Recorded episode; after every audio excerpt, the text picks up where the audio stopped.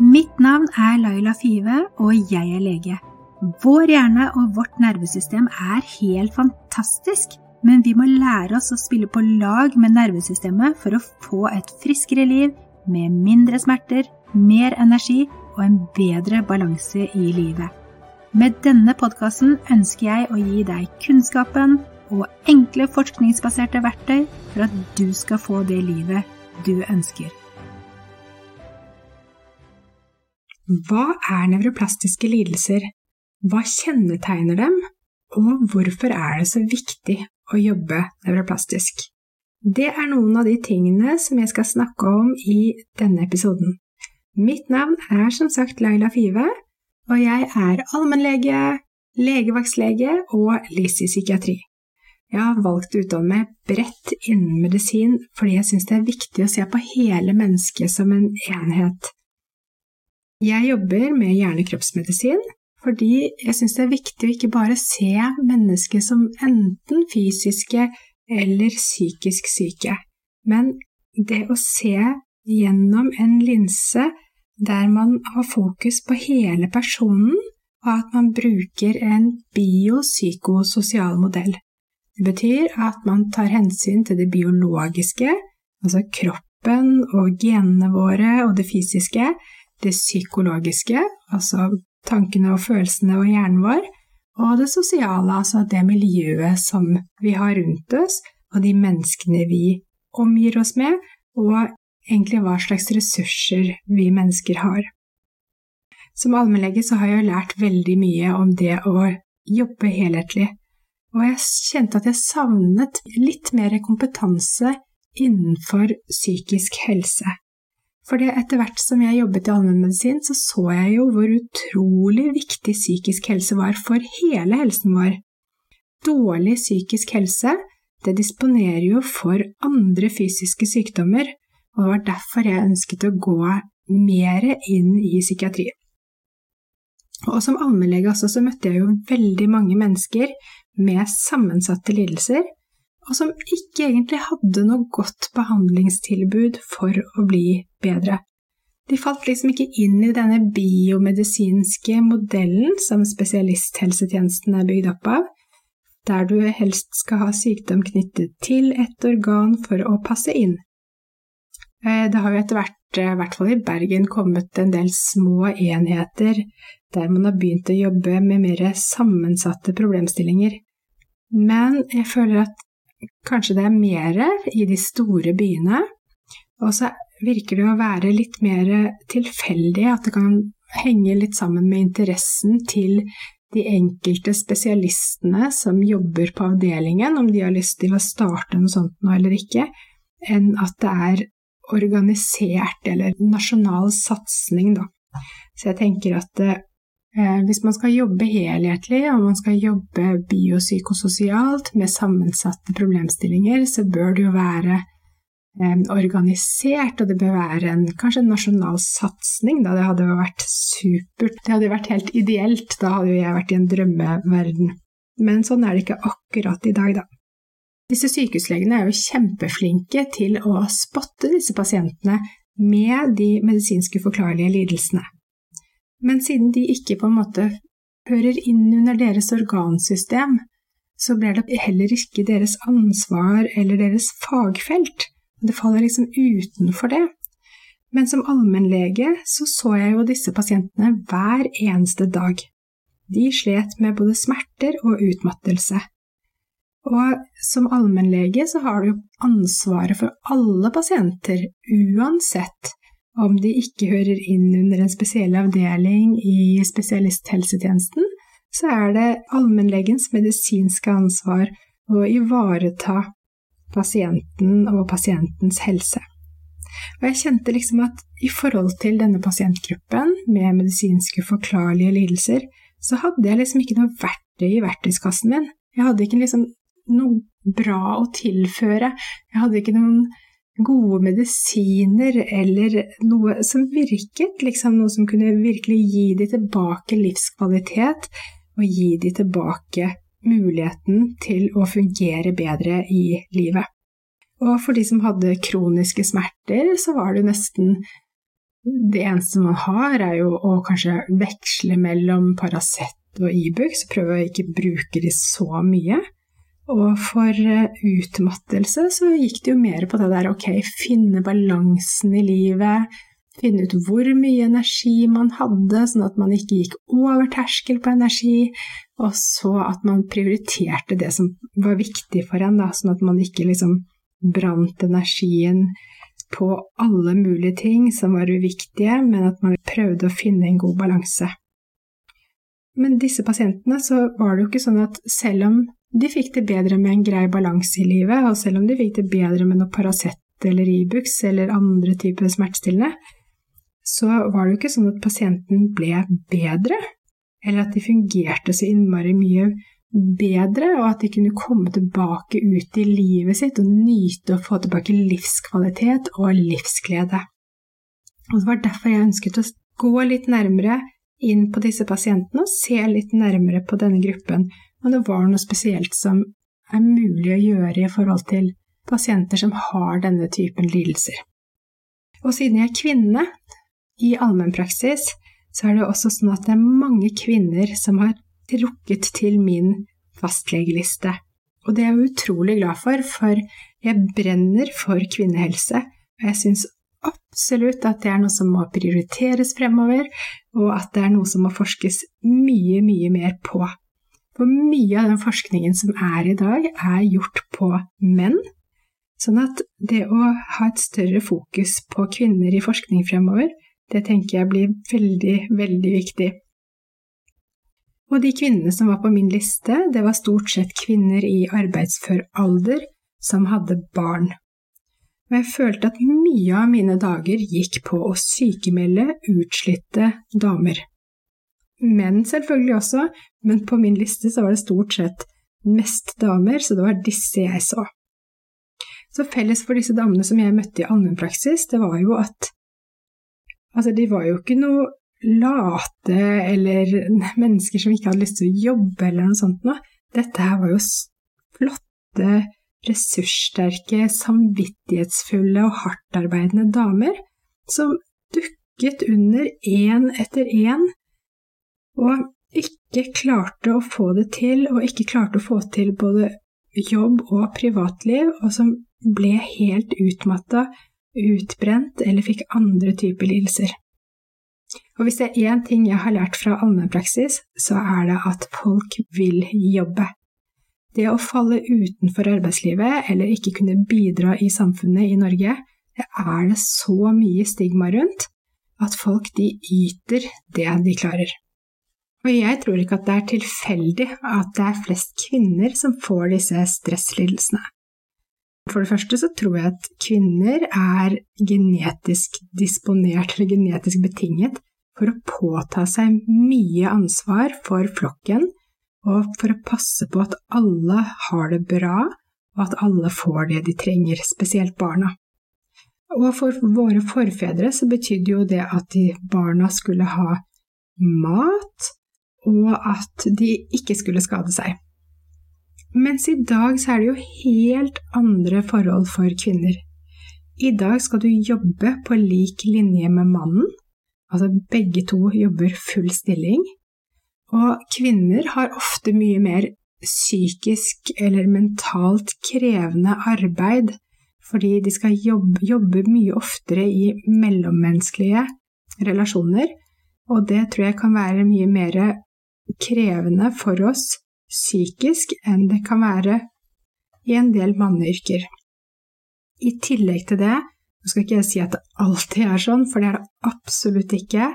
Det er ofte at det er andre veien hjem, men ofte så er det sånn at kvinnene tar på seg hovedansvaret for hus og hjem, og for at alle i familien skal ha det bra. De sørger for de fleste innkjøp, de sørger for organisering av husholdningen, for å være med på fritidsaktiviteter, for å huske alle avtaler, for å bake til dugnader, og de skal gjerne være sosiale, de skal gjerne få tid til sine egne ting og ivareta seg selv og kroppen sin. Og i dagens samfunn også så er det blitt utrolig mye sånn helsebevissthet. Sånn at man får dårlig samvittighet hvis man ikke klarer å mestre det å lage mat fra bunnen av, eller at man ikke vet hvilke varer som er bra å spise og ikke spise. Det er veldig mye fokus på at liksom man ikke gjør en god nok jobb da, hvis man ikke sørger for at barna får i seg sunn mat og er fysisk aktive og ting som dette her. Så det er mye mulighet for å få dårlig samvittighet hvis man ikke klarer å mestre alt som på en måte man tenker og tror da er forventet av samfunnet. Og i tillegg så er det blant kvinner i dag også et stort press på det å se bra ut, og det å ha fine kropper, og ikke være for tynn eller for tykk. Mange av kvinnene som jeg møtte som hadde disse kroniske plagene, de hadde også opplevd traumer i barndommen. Eh, mange hadde opplevd seksuelle overgrep. Og påfallende mange av disse kvinnene, de var mødre til kronisk syke barn. Og når jeg skulle hjelpe disse damene da, å få det bedre og hjelpe dem med sine plager, og prøve å finne medisiner som virket, eller andre ting som virket, så følte jeg på en måte hele tiden at jeg jobbet bakpå. At jeg bare løp etter og plastret alle sårene. Mens jeg hadde jo lyst til å finne ut hvordan, hvordan kan man egentlig forebygge sånne sykdommer? Hva kan man faktisk gjøre for å behandle disse lidelsene?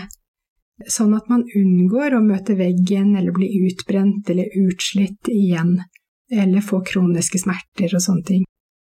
Og for å finne mer ut av dette, så begynte jeg å spesialisere meg i hvordan hjernen og nervesystemet fungerer. Og jeg har søkt i veldig mye internasjonal litteratur, siden det ikke var så veldig mye å finne her i Norge, og jeg fant ut at disse medisinsk uforklarlige lidelsene, som også kalles psykosomatiske eller funksjonelle lidelser, verken var veldig uforklarlige eller mystiske eller psykiske, som mange pasienter får høre. For det, det der å knytte det opp mot en psykisk lidelse, det tenker jeg er egentlig ganske naturlig. Fordi at fastlegene de er jo vant til å se masse pasienter. De andre fastlegene også, sånn som meg, så jo at de som man visste hadde mye barndomstraumer, de ofte også hadde veldig mye av disse medisinske forklarlige lidelsene. Og det er jo naturlig å prøve å finne koblingen der og tenke at kanskje det kan være noe psykisk. Men det er bare det at disse pasientene de blir ikke nødvendigvis bedre av psykologisk behandling. Mange av disse pasientene har man sett i internasjonale studier at, at vanlig psykoterapi ofte ikke virker. Så det er psykologiske metoder man ofte benytter, men det er ikke vanlig psykoterapi man skal bruke. Det må være spesialisert psykoterapi som går på den lidelsen som de har. Derfor tror jeg ikke at noen fastleger eller allmennleger eller andre leger ønsker å stigmatisere pasientene, eller at ikke de tror på at de har de plagene de har. Jeg tror rett og slett bare det at man ikke helt har forstått hvordan disse tingene henger sammen. For det, man kan jo definere det på ulike måter, men sånn som jeg definerer det, da Dette her er jo lidelser som sitter i kroppen. De sitter i muskler, de sitter i ledd, de sitter i nervesystemet. Sånn at det å kalle det psykisk, det blir også feil for meg. Og hvis man f.eks. skulle prøve å henvise noen med nevroplastiske lidelser, som jeg vanligvis kaller disse lidelsene, til psykologisk behandling, så blir det jo avvist. Hvis jeg hadde henvist som fastlege en pasient som hadde kronisk migrene hver eneste dag hele måneden de siste ti årene til psykiatrisk behandling, så hadde ingen psykiatere, eller det skal jeg ikke si, for det er mange ulike behandlere der ute, men i hvert fall på mitt DPS så hadde ingen psykiatere visst hvordan de skulle behandle denne lidelsen med kognitive metoder. Så det er rett og slett ikke et system for å ivareta disse pasientene, og derfor blir de ofte avvist. Så selv om jeg absolutt mener at dette burde ligge under psykiatri eller psykologisk behandling, så gjør det ikke det i dag. Og det er vel mange måter å se det på også, men en del av de studiene som er gjort av de med nevroplastiske lidelser, så er det ca. 50% av de som har disse lidelsene, som har barndomstraumer. Mens 50% har det ikke. Så årsaken bak disse nevroplastiske lidelsene, de er veldig forskjellige, og det er veldig komplekst. Det er ikke sånn at én ting utløser en nevroplastisk lidelse.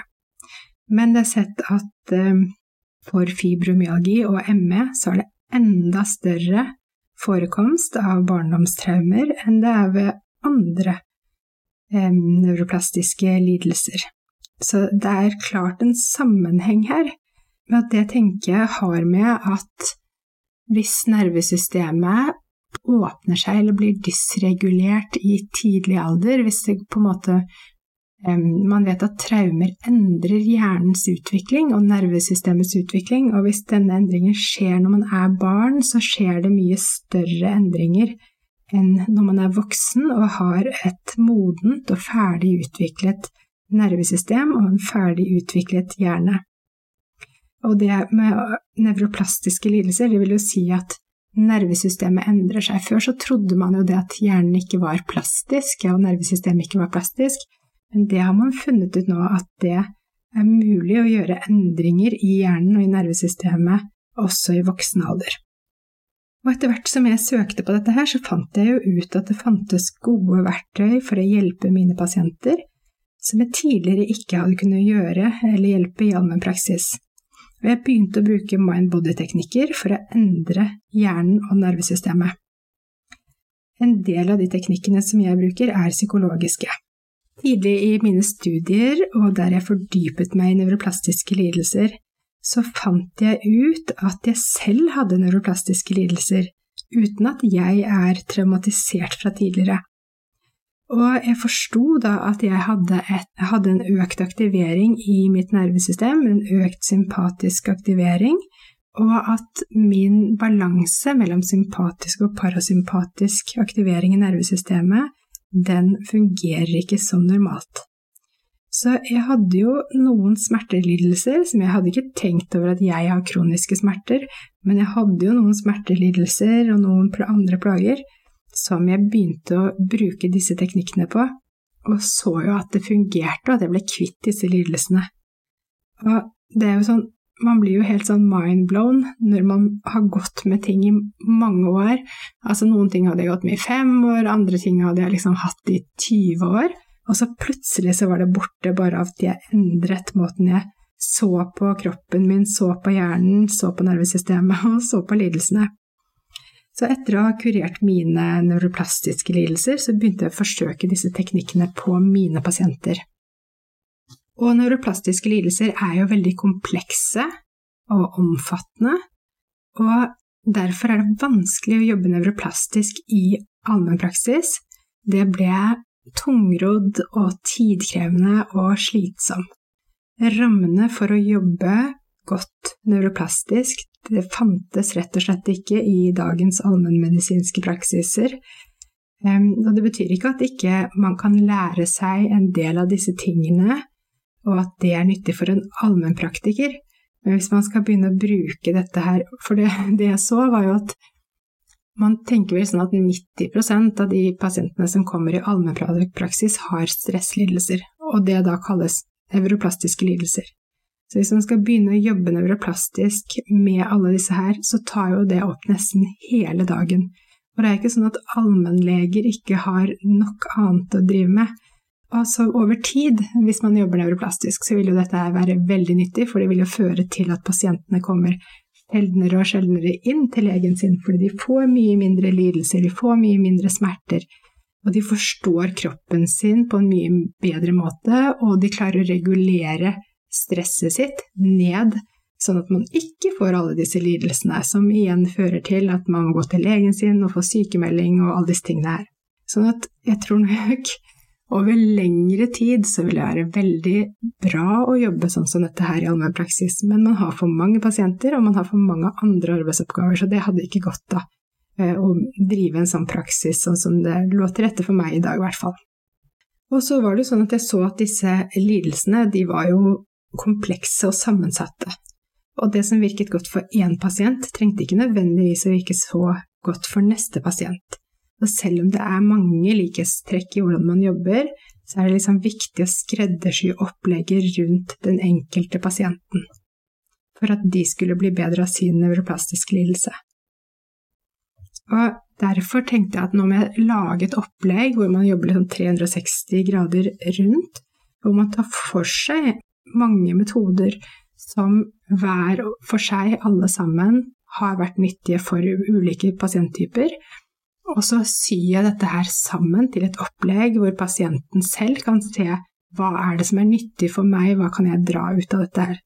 Så jeg lagde et nettkurs, og da ble plutselig jobben min mye enklere, for da slapp jeg å forklare hele denne sammenhengen til alle pasientene.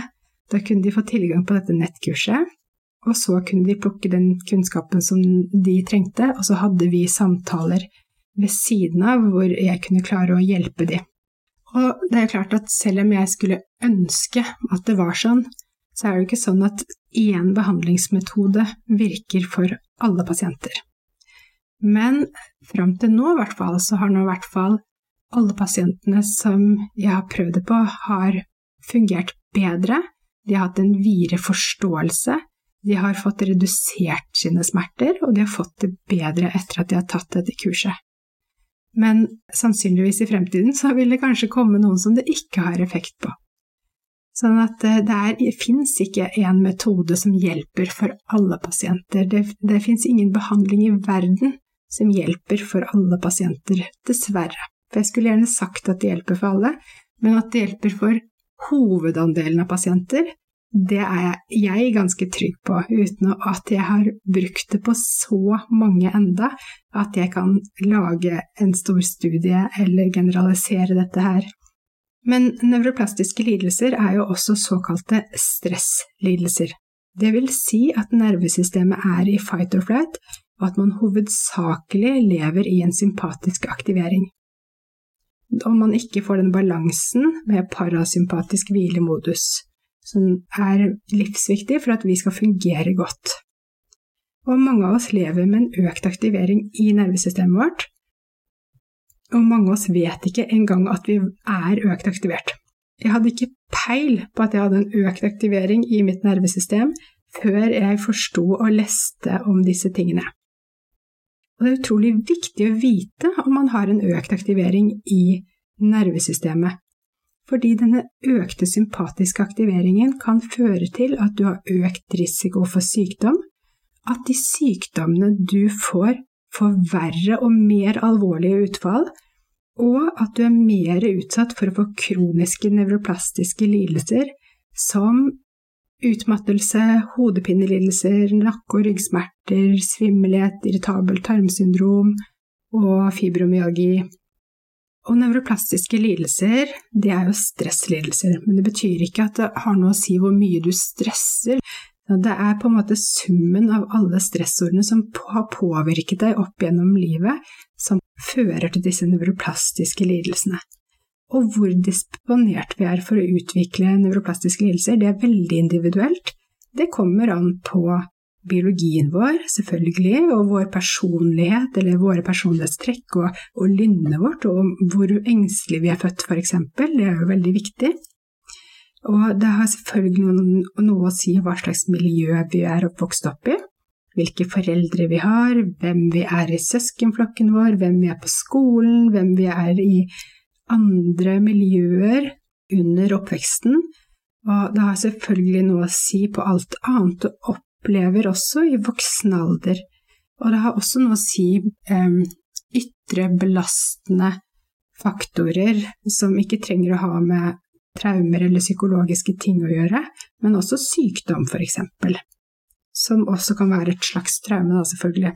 Men det kan også være en enkel virussykdom eller noe sånt noe. Og vi vet jo til og med at om din bestemor har, har opplevd traumer, så kan det påvirke ditt genuttrykk. Og det er jo veldig spesielt at traumer kan gå i arv på den måten. Leger vi vet jo veldig mye om stress, og at stress påvirker oss. Og det er fantastiske leger der ute, men selv om vi vet det, så vet vi veldig lite om dette med nevroplastisitet, og det er jo litt rart. For dette med nevroplastisitet, det er langt fra ny kunnskap. Forskerne de begynte å forske på dette her, i hvert fall det jeg har klart å lese, allerede på 50-60-tallet så begynte man å snakke om at disse medisinske uforklarlige sykdommene kunne være nevroplastiske. Og spesielt dette med smertelidelser er jo veldig godt undersøkt, og der er det på en måte slått fast som en medisinsk sannhet at de fleste kroniske smertelidelser ikke er forbundet med skade eller sykdom, at det er endringer i nervesystemet som fører til en hypersensibilisering av nervesystemet, som igjen gir kroniske smerter. Så at hvis man jobber ned denne sensibiliseringen i nervesystemet igjen, så kan man bli kvitt sine kroniske smerter. Selv om denne kunnskapen har vært så tilgjengelig i 20-30 år, så er det få leger som snakker om dette i dag, og som bruker dette her i sin egen praksis. Og jeg er jo ikke noe typisk podkastvert men når man på en måte kommer over noe som er så virkningsfullt og så bra og så viktig, så klarer man liksom ikke la være.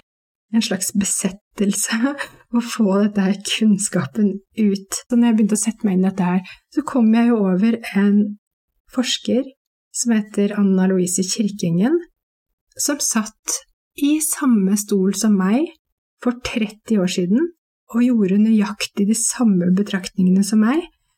Og hun også ble så drevet av dette her, altså hun så på sammenhengen mellom kvinnehelse og fysisk misbruk, eh, og har skrevet blant annet den 'Når krenkede barn blir syke voksne'. Og så har hun forsket på dette her, hun jobber som allmennlege i 30 år eller noe, tror jeg, så hun forsket på dette her i 30 år. Og selv om dette skjedde for så lenge siden, og hun gjorde nøyaktig det samme som meg, og fant ut de samme tingene som meg. Så sitter jeg og begynner på nytt igjen 30 år etter, og det tenker jeg at da er kunnskapen ikke kommet godt nok frem og godt nok ut. Og derfor tenker jeg at det er så viktig at noen begynner å snakke om dette her med nevroplastisitet. Så derfor så kunne jeg ønske at vi snakket mer om nevroplastisitet, om sympatisk aktivering i helsevesenet, for da kunne vi jobbet mye mer biopsykososialt enn det vi gjør i dag. Og vi hadde da visst mye mer om pasienters risiko for sykdom, fordi en økt kronisk aktivering i nervesystemet fører til en dysregulering av nervesystemet, og hormonsystemet og immunsystemet. Fører til økt inflammasjon i kroppen, som igjen er grobunn for de fleste fysiske sykdommer. Og om du har nevroplastiske lidelser, så har du også økt risiko for å få det verre av din fysiske lidelse. Så om du først har fått en fysisk lidelse, så vil sannsynligvis symptomene dine bli mye verre. Det vil si for eksempel da, hvis du har artrose, så vil du få verre artrosesmerter større risiko for at du får fatigue i forbindelse med kreftbehandling og autoimmun sykdom. Det er mye større risiko for at du blir innlagt med astma og kols hvis du har neuroplastiske endringer i nervesystemet. Og det er større risiko for kroniske neuroplastiske lidelser, som i seg selv kan være verre og mer dødelig og livstruende enn andre fysiske lidelser, i verste fall for de som er hardest rammet.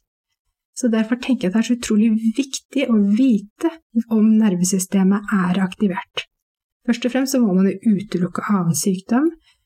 Ehm, det betyr ikke at man trenger å utelukke for å si at noe er nevroplastisk, men det er lurt å utelukke annen fysisk sykdom. Og når det er på plass, så ser du på de tegnene på nevroplastisk sykdom. Og det kan f.eks. være søvnvansker, eh, nedsatt hukommelse og konsentrasjon. Det kan være eh, hjertebank, pustevansker, brystsmerter, svimmelhet, mm, nakke- og ryggplager, hodepine, kvalme, magesmerter og utmattelse, der du ikke blir bedre av å hvile. Det kan også påvirke det psykiske, sånn at du kan få kort lunte, bli irritabel, du kjenner deg fort overveldet, følelsesmessig ustabil.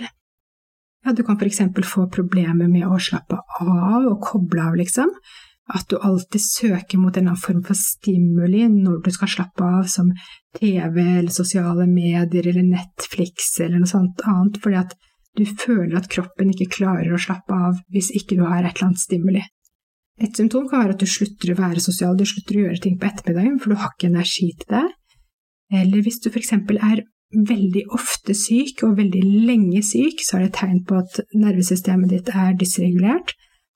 Eh, hvis du kjenner at du spenner deg i kroppen mye, har skuldrene opp under ørene, eller at du kjenner at du spenner deg i magen eller i bekkenet. Eh, hvis du f.eks. puster høyt i brystet, eller holder pusten ofte, eller kjenner deg stresset og urolig og engstelig, har tankekjør og bekymringer og sånne ting, ja, det er vel sikkert det jeg kan komme på. Alt dette her er i hvert fall tegn på en økt sympatisk aktivering.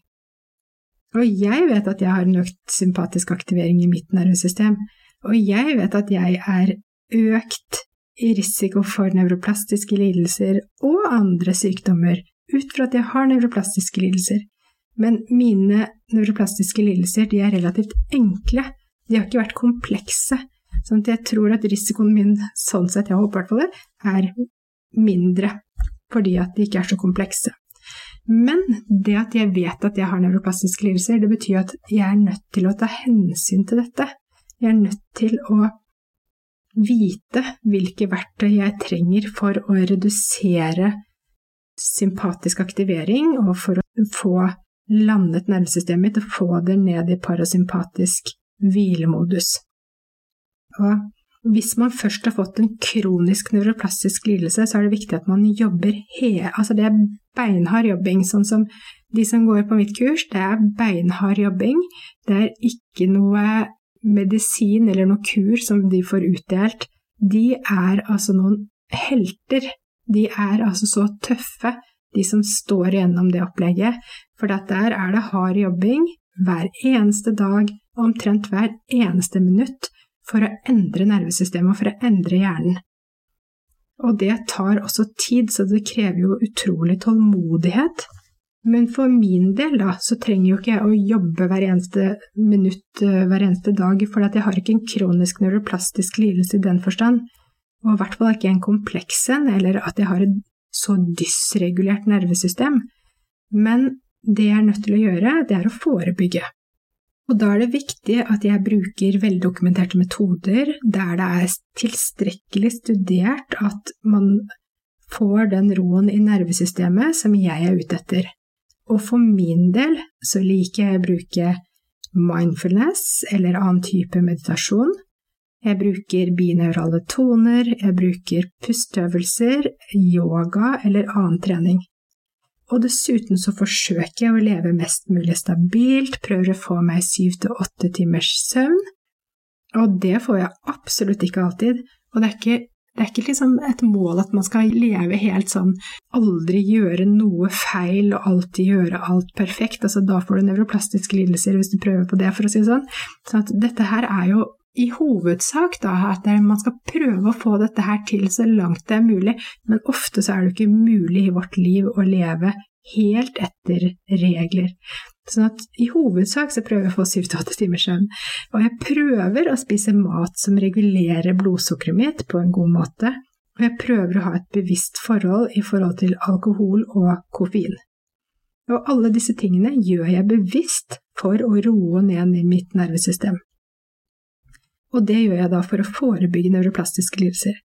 Og når det av og til dukker opp nevroplastiske symptomer, som det dessverre gjør, spesielt nå for tiden, for jeg holder på med altfor mange ting, så må jeg jobbe de ned mentalt med å redusere de med en gang. Jeg vet at hjernen min oppfatter det meste av ubehag som kanskje mer dramatisk enn det det er, og da må jeg jobbe f.eks. med pust og med å liksom jobbe med kroppen min og hvilke signaler kroppen min sender til hjernen og sånne ting, for å regulere ned faresignalene som går til hjernen min. Og det kan være helt banale ting. Det kan være f.eks. hvor mye jeg fryser når det er kaldt. Eller hvor dårlig jeg tåler varme i en badstue. Um, det kan være at jeg føler meg døden nær når jeg har 38 i temperatur. Eh, eller at jeg nedregulerer allergisymptomene mine, for at allergi for min hjerne altså Den tror at det er den sikre død. Sånn at eh, mine allergisymptomer blir voldsomt blussa opp av dette her eh, stressede nervesystemet. Når jeg jobber nevroplastisk, så demper jeg allergisymptomer. Og det kan være menstruasjonssmerter som blir økte på grunn av at jeg har denne dysreguleringen i nervesystemet, og bilsyke f.eks., som har blitt ti ganger verre av nevroplastisitet. Fordi at hjernen min er i fight or flight-modus og lett kan tolke ting som farlige. Det er bare eksempler på at den økte aktiveringen forsterker andre typer plager som jeg har. Så nå tror jeg at jeg skal slutte for i dag. Jeg håper at du har lært noe nytt. Og jeg håper at jeg har klart å pirre litt interesse hos deg i dette her rundt neuroplastiske lidelser, for det er mitt mål. Da håper jeg at du har satt pris på å høre på, og hvis du har satt pris på å høre på, så håper jeg at du gir denne podkastepisoden fem stjerner, og så håper jeg at du vil dele den, og så håper jeg at du lytter neste gang også. Tusen hjertelig takk for at du lyttet til meg i dag. Ha en fortsatt fin dag, og husk at selv om du har mange stressymptomer og nevroplastiske lidelser i dag, så betyr det ikke at ikke du kan bli kvitt dem, at ikke du kan bli bedre, og at ikke du engang kan bli frisk. Så gi ikke opp håpet. Det fins god hjelp der ute for de som ønsker det, og for de som virkelig er villige til å investere i egen helse for å bli bra.